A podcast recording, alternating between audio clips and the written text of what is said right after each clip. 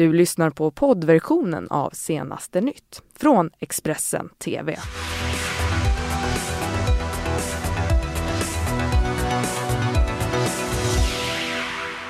Välkomna hit till Senaste nytt. Nu kickar vi igång den här tisdagen, eller hur? Ja, men det tycker jag. Vi tar och börjar att eh, kika på morgonens rubriker. Jämnt i opinionsmätningarna inför Israelvalet idag när premiärminister Netanyahu utmanas av tidigare militären Gantz. Ytterligare högt uppsatt säkerhetschef tvingas lämna i USA. Och Expressen granskar artisterna som spelas mest i Sverige just nu. Flera är dömda för brott. Men vi börjar med en händelse i Stockholm i natt då en person förts till sjukhus efter att ha skjutits av polis vid en eh, trafikkontroll i Kista. Mannen som är i 20-årsåldern sköts när han försökte köra på en polisman med sin Porsche. Enligt vakthavande befäl Mats Ahlqvist finns det stor risk för att polisen skulle bli träffad och föraren misstänks nu för försök till mord. Mm, men det är så går vi utrikes. Det är val i Israel idag och då utmanas premiärminister Benjamin Netanyahu av eh, den tidigare militärchefen Benny Gantz. Eh, men trots flera korruptionsåtal mot den sittande premiärministern så talar ju opinionsmätningarna för ett eh, jämnt val mellan Netanyahu som dominerat israelisk politik i ett decennium och Gantz vart, vars mittenallians bara funnits i knappt ett halvår. Mm, nu har vi med oss Expressens utrikeskorrespondent Arne Lapidus på plats i Tel Aviv utanför en vallokal. Eh, god morgon eh, säger vi till att börja med Arne. Och eh, jag undrar, har korruptionsåtalen mot Netanyahu gett oppositionen ett övertag på något sätt inför dagens val? Ja, god morgon. Jag står här utanför. Där eh, vallokalerna just har öppnat klockan är sju lokal tid och det står eh, redan ett 20-tal personer utanför och köar för att visa ID-kort innan de kan komma in.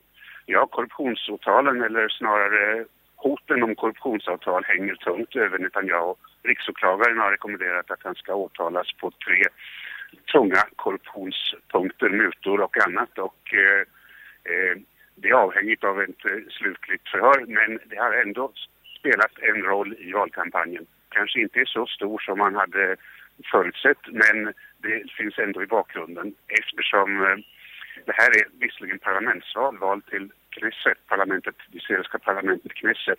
Men i realiteten är det en folkomröstning om Netanyahu. Ja eller nej till Netanyahu som har styrt landet i tio år. Och eh, där kommer just den här frågan om korruption och hans personlighet in som en stor fråga. Ungefär hälften av eh, landet, en, en stor del av landets befolkning kan inte tåla Netanyahu och allt vad han står för vad det gäller korruption och maktfullkomlighet och andra saker. Medan en annan halva som hittills har varit något större hyllar honom som en stor statsman och en garant för statens säkerhet och överser med alla anklagelser och till och med med åtal om korruption mot honom. Eh, Gantz har ju snabbt blivit en kandidat att eh, räkna med. Hur kan man förklara hans framgångar? Ja, han är tidigare överbefälhavare och eh, han har inte mindre än två andra tidigare ÖB med sig i ledningen för sitt nybildade mittparti Blåvitt. Blåvitt uppkallat efter den israeliska nationsflaggan Sverige. Så det visar ju att det dels att alla är generaler och dels att det är, väldigt, då att det är ett väldigt patriotiskt parti. Och general är ett väldigt starkt varumärke i Israel där hela befolkningen, nästan hela befolkningen, både män och kvinnor, gör två eller tre års värnplikt. Så man inte identifierar sig med armén. Man ser militären som en väldigt effektiv och fyllad och eh, opolitisk institution. Så om man kommer därifrån så har man redan ett, ett eh, försteg. Och det blir väldigt svårt för Netanyahu som hittills har lyckats utmåla all opposition som svag och vänster och eftergiven mot palestinier och araber. Det blir väldigt svårt att, för honom att utmåla, även om han har försökt att utmåla en tidigare ÖB som han själv, själv har utnämnt som en svag eftergiftspolitiker. Ja, och eh, om vi tar till den här centrala frågan när det gäller Palestinakonflikten. Hur, hur stor roll har den spelat i, i årets valrörelse? Ja, kanske överraskande eftersom det är en så central fråga för Israels fred och framtid så har just den palestinska frågan haft bakgrunden. Det är istället sådana här frågor om, eh, om, om Netanyahus personlighet och hans sätt som motståndarna säger att hetsa olika folkgrupper mot varandra, att söndra och härska. Det är sånt som har hamnat i förgrunden i en sån, den här valrörelsen som jag sa som har väldigt, varit väldigt smutsig, smutsig präglats av personangrepp och fake news på alla sätt. Det finns ju också en eh, lång rad småpartier som kretsar kring 3,25 procent eh, spärren Arne som ju automatiskt då ger fyra mandat i Knesset. Kommer de att få en avgörande roll eh, i den kommande regeringsbildningen? Ja, de spelar en helt avgörande roll. Först och främst eftersom inget parti i Israel nästan någonsin har haft, om, om ens någonsin har haft egen majoritet. Så de två stora partierna, alltså Netanyahus högerparti eh, Likud och Gans mittenparti Blåvitt, de ligger båda, de kretsar båda runt 25 procent. Så de behöver ett antal småpartier med sig som stödpartier för att bilda antingen ett högerblock eller ett center-vänsterblock. Och eftersom flera av de här partierna på båda sidor av om mittlinjen eh, riskerar att inte komma över tröskeln så kan det helt förändra utgången av, av valet eller påverka utgången av valet och påverka vilket block som vinner. Om ett eller två högerpartier inte kommer in så kan Centern, Vänstern vinna och vice versa om eh, vänsterpartier trillar ut. Så att eh, det spelar en väldigt stor vikt både för valutgången och för eh, regeringsbildningen. Mm, onekligen spännande. Tack så mycket för att du var med oss, Arne Lapidus, på plats utanför en vallokal, alltså i Tel Aviv. Vi kommer få fler rapporter ifrån Arne under morgonen här i senaste nytt. Parlamentsval i Israel idag alltså.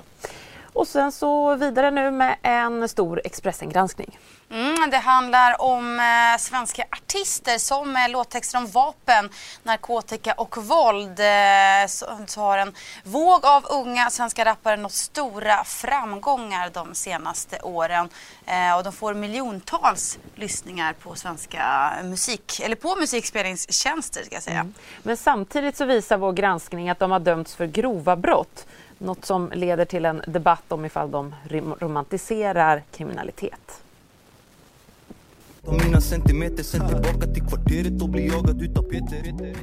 Den nya svenska gangsterrappen har tagit över på topplistor och prisgalor. Men en granskning av Expressen visar att flera av de artister som nu gör succé är dömda för grova brott. En av dem är Tensta-rapparen Z.E som haft stora framgångar de senaste åren. Han blev femte mest spelade svenska artisten på Spotify i fjol, årets hiphop-akt på Peter Guldgalan och årets artist på Grammisgalan. Låttexterna handlar bland annat om vapen, droger, våld och förortsromantik. Det här är ju en genre som fullkomligen har exploderat. Ett poddtips från Podplay. I podden Något Kaiko garanterar östgötarna Brutti och jag, Davva, dig en stor dos skratt. Där följer jag pladask för köttätandet igen. Man är lite som en jävla vampyr. Man har fått lite blodsmak och då måste man ha mer. Udda spaningar, fängslande anekdoter och en och annan arg rant. Jag måste ha mitt kaffe på morgonen för annars är jag ingen trevlig människa. Då är du ingen trevlig människa, punkt. Något kajko, hör du på podplay. Därför är gardinerna.